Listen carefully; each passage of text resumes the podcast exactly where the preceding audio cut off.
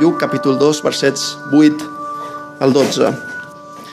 I en aquella mateixa contrada hi havia uns pastors que s'estaven al ras, batllant de nit, guardant el seu ramat. I heus aquí un àngel del Senyor vingué a ells i la glòria del Senyor els envoltà de llum i van tenir molta por. I l'àngel els digué, no tingueu por perquè heus aquí us anuncio bones noves de gran goig, que us seran per a tot el poble.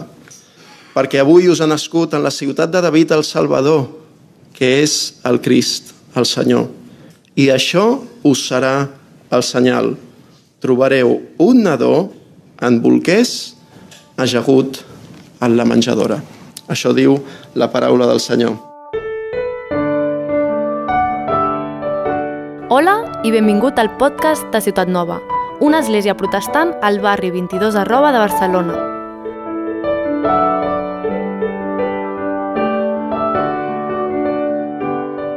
Què és el Nadal per tu?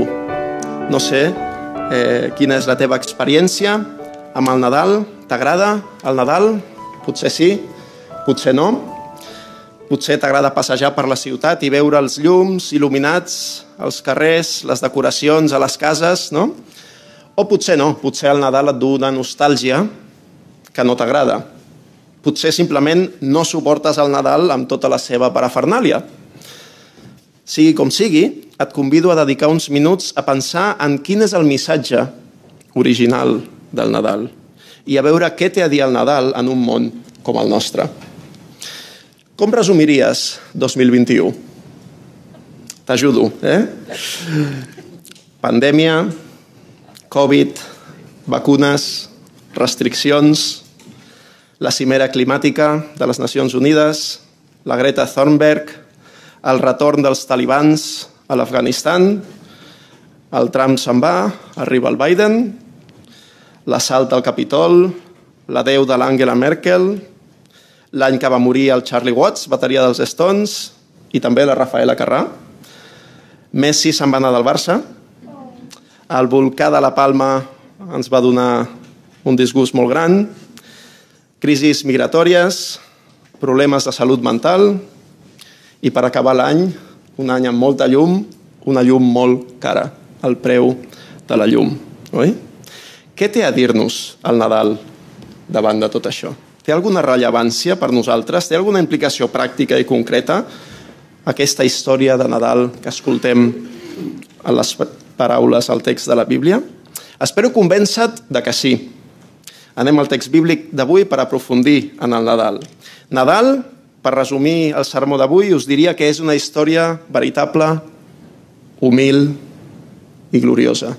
Nadal és una història veritable, humil i gloriosa. Els primers cinc versets del text d'avui, Lluc fa d'historiador i ens diu quan es van donar aquests fets. Ens parla del cens que es va fer en aquella època.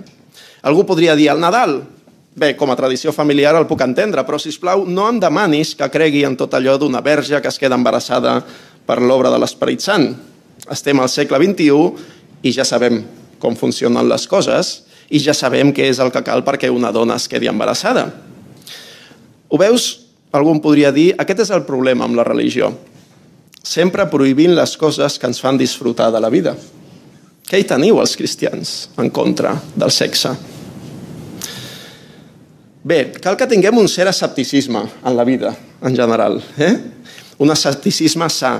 Però de tant en tant també cal posar en dubte el nostre propi escepticisme, la nostra saviesa, els nostres prejudicis, la nostra actitud de saber-ho tot i els dogmes seculars de la nostra cultura. Segons l'evangelista Lluc, el Nadal no és un mite, sinó que és un fet històric. En diferents moments, Lluc s'esforça per mostrar que el que està explicant en el seu evangeli té unes arrels històriques fiables i contrastades. Ho fa al començament del seu evangeli, ho fa al text d'avui i ho fa en altres moments. Això no fa que Lluc digui la veritat quan ho explica, no? Automàticament. Però sí que hem de tenir en compte que el mateix autor de l'Evangeli sabia distingir entre un mite, un conte, una fàbula i un fet històric. I més enllà de tot això, Lluc afirma que els fets que ens explica van succeir de veritat. Per tant, abans d'acusar de mentider o d'ingenu a algú com Lluc, tingues en compte el seu testimoni que et diu que el Nadal és una història veritable. Amb el nostre escepticisme extrem, de vegades caiem en eh, idees ridícules. A la nostra cultura fins i tot hem arribat a qüestionar que Jesús existís. Però com ens diu el crític textual, escèptic, agnòstic, Bart Ehrman, ens diu que la realitat és que sigui el que sigui el que pensis de Jesús, certament Jesús va existir. I Ehrman continua, eh? diu més coses. Diu, aquesta idea defensada per la immensa és la idea defensada per la immensa majoria d'experts de tot el món. Jesús va existir. I els quatre evangelis canònics són, en paraules del mateix mm, crític textual escèptic, no cristià, són els evangelis canònics les millors fonts i les més antigues que tenim per saber coses sobre la vida de Jesús. I Herman continua dient que aquesta és l'opinió de tots els historiadors de l'antiguitat de tota mena, des de cristians evangèlics compromesos amb la seva fe fins als ateus més convençuts. Per tant, no tot és tan senzill com dir això són fàbules i s'ha acabat. O potser el que et fa dubtar dels evangelis són coses com ara el naixement virginal de Jesús, l'aparició d'àngels, els miracles. Normal. A mi també em faria dubtar i a mi també em fa dubtar. I a Josep el van fer dubtar i a Maria la van fer dubtar. Mai ningú ha dit que els miracles siguin coses que passen tota l'estona i que siguin fàcils d'acceptar i de creure. Van fer dubtar els mateixos protagonistes del relat bíblic. Precisament per això se'ls considera miracles, fets extraordinaris que trenquen o superen les regularitats de la natura. I per cert, no caiguem en l'error de mirar per damunt de l'espatlla a les persones del segle I, dient que ells eren uns grans ignorants, persones crèdules, mentre nosaltres avui som gent educada i amb uns coneixements sofisticats. Al segle I les persones sabien tan bé com les persones del segle XXI què havia de passar perquè una dona es quedés embarassada. El cristianisme bíblic diu que Déu és l'inventor del sexe i que aquest, en el context adequat del matrimoni, és un regal de Déu i és bo la concepció virginal de Jesús no és l'intent del cristianisme de fer desaparèixer el sexe, sinó mostrar-nos que aquell nadó era el fill únic de Déu, fet home. I que ell no va heretar una naturalesa eh, injusta, una naturalesa amb tendència cap al mal, que sí que hem heretat tu i jo dels nostres pares, segons la paraula. Per altra banda, si Déu existeix i ha fet l'univers del no-res, Llavors, creure que Jesús va néixer d'una verge no és irracional, per molt extraordinari que això sigui. Algú que crea l'univers del no-res pot fer néixer un ésser humà perfectament sense la intervenció d'un pare humà. La ciència no ha demostrat que Déu sigui innecessari ni que els miracles siguin impossibles. Tal i com va dir algú, els cristians creiem en el naixement virginal de Jesús. Els ateus creuen en el naixement virginal de l'univers. Escull el teu miracle. Els cristians creiem, repeteixo, en el naixement virginal de Jesús. Els ateus creuen en el naixement virginal de l'univers.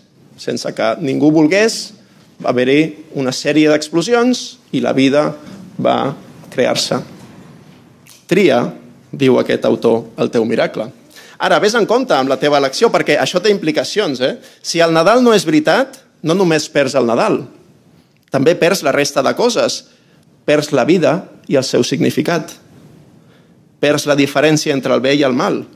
Et perds tu i em perdo jo en un gran absurd que acabarà desapareixent sense que ningú el recordi. Això és l'existència, si el Nadal no és veritat. Un dels llibres més venuts als últims anys és el de l'historiador israelí Yuval Noah Harari. Sapiens, una breu història de la humanitat.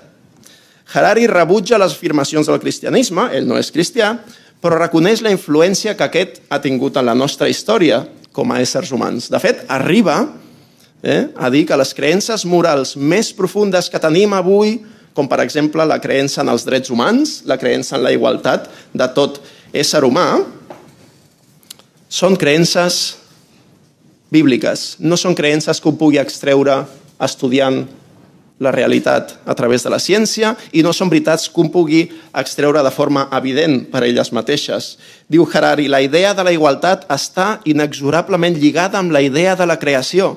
Si no creiem en els mites cristians, diu Harari, els mites cristians sobre Déu, la creació, les ànimes, el que significa tot ésser humà i que tot ésser humà és igual, diu Harari que llavors, si no creiem en tot això, els homo sapiens no tenen drets naturals, de la mateixa manera que no els tenen les aranyes, les hienes o els ximpanzés.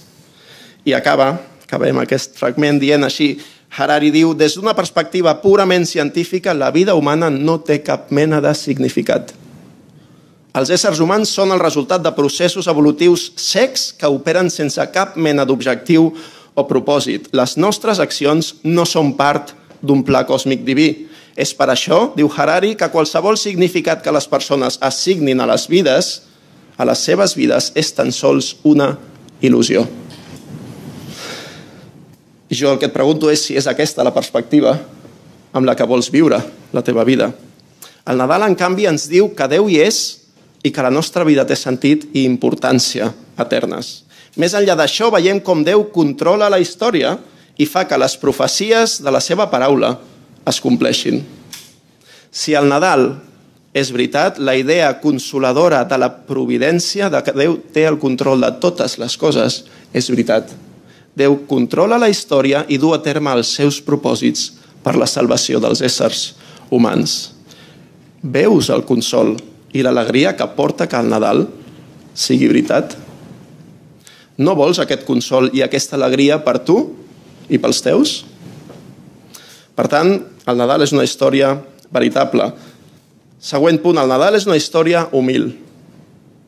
Algú diria, el Nadal, i a mi què m'importa que un nen nasqués fa 2.000 anys a Palestina, quan avui hi ha tants nens i nenes que moren arreu del món. De què va servir aquell naixement? Aquest Déu que controla la història, segons la Bíblia, va ser capaç de fer que un edicte de César August fes que es complís la profecia del lloc de naixement del Messies. Però no va poder fer que el seu Messies tingués un lloc adequat per néixer.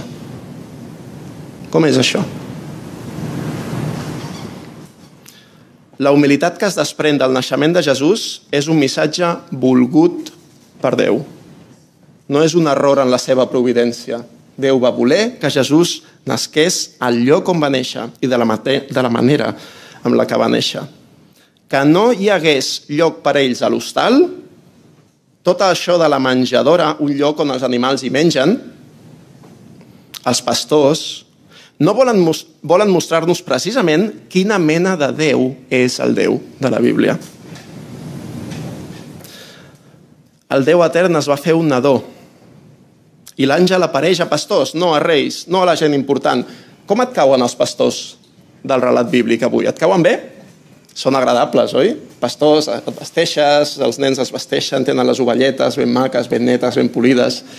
Els pastors no eren així, eh? Ser pastor aquella època era vist com ser una gent de mala fama, de la que te'n podies riure, gent que feia pudor, gent a la que s'insultava el pitjor que hi havia de la societat.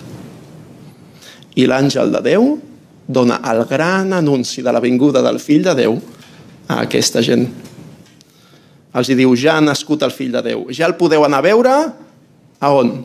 A un palau? A una planta d'una clínica privada a la part alta de la ciutat? No, no. A un lloc on hi mengen els animals. A una menjadora. El trobareu a una menjadora. Déu envia el seu fill al món, però no al món. Déu envia el seu fill a un estable. És tan absurd, com va dir algú, que ha de ser veritat.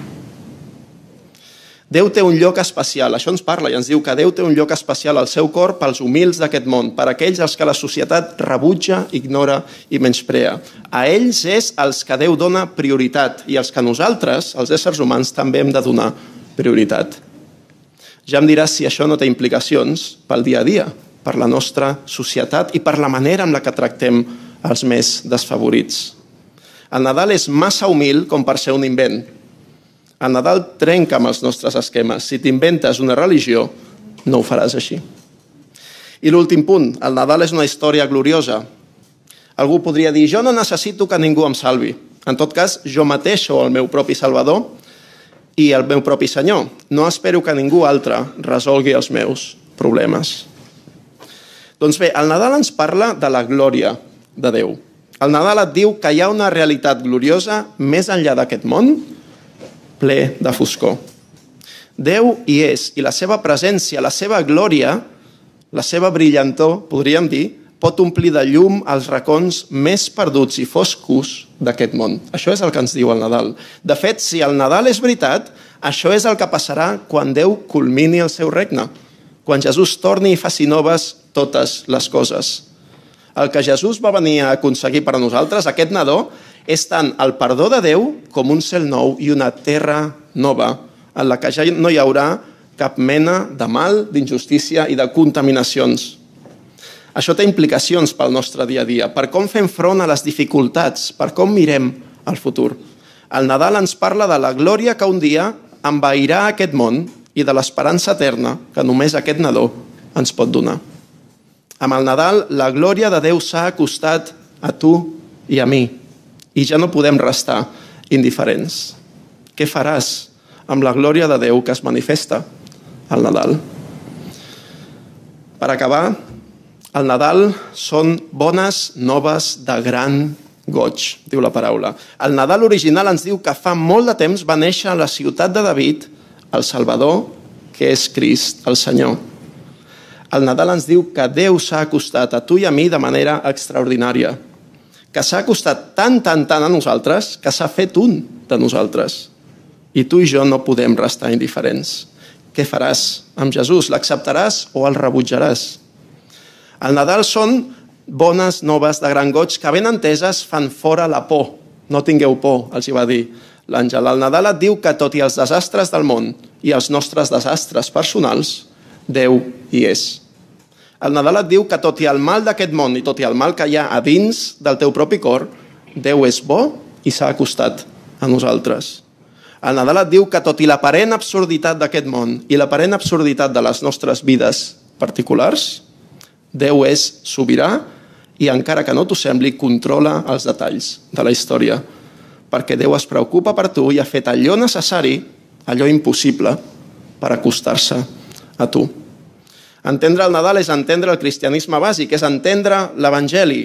Déu hi és, ell és el creador i tu i jo ens hem allunyat d'ell. Per això, el mateix Déu, en la persona de Jesús, s'ha acostat a tu i t'ha vingut a salvar morint a la creu pel teu pecat, segons diu la paraula, i ressuscitant el tercer dia perquè d'aquesta manera puguis ser reconciliat amb el teu Creador i rebre en herència el regne etern de Déu. Què faràs amb aquest regal? Què faràs amb Jesús? El sexe, els diners i el poder són salvadors aparents, que no et poden salvar, en ells no hi trobaràs el perdó que necessites, ni tampoc el sentit i el significat que la teva vida necessita, ni tampoc la solució al trencament d'aquest món. Només aquest nadó pot fer tot això. En Jesús se t'ofereix l'oportunitat de rebre el perdó de Déu i la vida eterna. Només aquest nadó et pot donar una vida plena, una vida en un cel nou i una terra noves on tot serà alegria i satisfacció. Reconeix el teu mal, reconeix la teva injustícia, el que la Bíblia anomena pecat, i confia en Jesús, creu en ell i rep el veritable regal de Nadal. Que el Senyor beneixi la seva paraula i que tingueu un bon Nadal. Gràcies per escoltar aquesta predicació. Si tens preguntes respecte al seu contingut o vols tenir una conversa sobre l'Evangeli, no dubtis en contactar-nos. El nostre correu electrònic és info arroba cn22.org.